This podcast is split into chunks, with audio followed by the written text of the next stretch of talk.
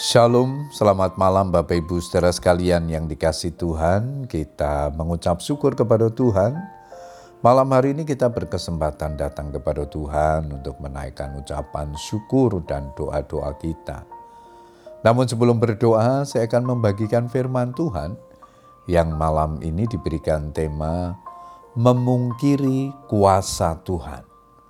Ayat mas kita di dalam Ayub 11 ayat 7 dan 8 firman Tuhan berkata demikian, Dapatkah engkau memahami hakikat Allah, menyelami batas-batas kekuasaan yang maha kuasa? Tingginya seperti langit, apa yang dapat kau lakukan?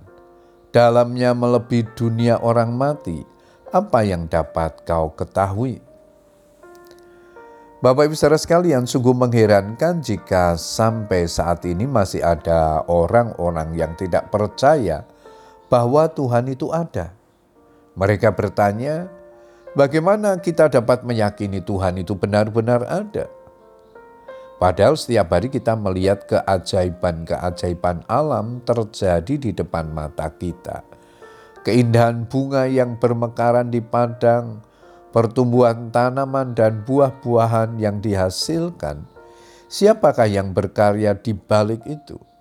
Belum lagi keagungan benda-benda di langit, di angkasa yang begitu menakjubkan.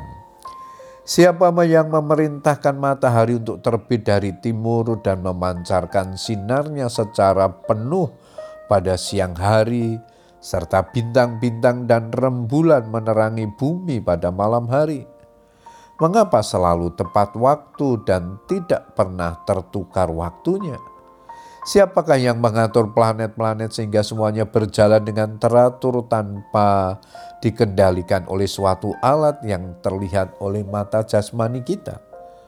Tuhanlah yang mengatur semuanya. Kalau kita mau jujur, pasti kita akan mengakui bahwa semuanya itu ada yang mengatur dan mengendalikan yaitu Tuhan. Punyamulah langit, punyamulah juga bumi, dunia serta isinya. Engkaulah yang mendasarkannya, utara dan selatan engkaulah yang menciptakannya. Tabor dan Hermon bersorak-sorai karena namamu. Punyamulah lengan yang perkasa, kuat tanganmu dan tinggi tangan kananmu. Mazmur 89, 12, 14. Jelas bahwa alam semesta dan semua yang ada di bawah langit dan di atas bumi telah memperlihatkan keberadaan Tuhan sebagai Sang Pencipta. Adalah sebuah kebodohan jika manusia berusaha untuk memungkiri, meragukan, bahkan menolak Tuhan secara mentah-mentah, serta menganggap bahwa Tuhan itu tidak ada. Karena itu mereka dengan sengaja tidak mau taat kepada firman yang telah ditetapkan di dalam Alkitab. Siapakah kita ini sehingga merasa gengsi untuk mengakui bahwa sesungguhnya kita ini penuh dengan keterbatasan dan membutuhkan juru selamat dalam hidup ini? Bapa telah menyediakan jalan keselamatan melalui Yesus Kristus tetapi banyak orang dengan sombong tak mau mengakui, apalagi menerimanya.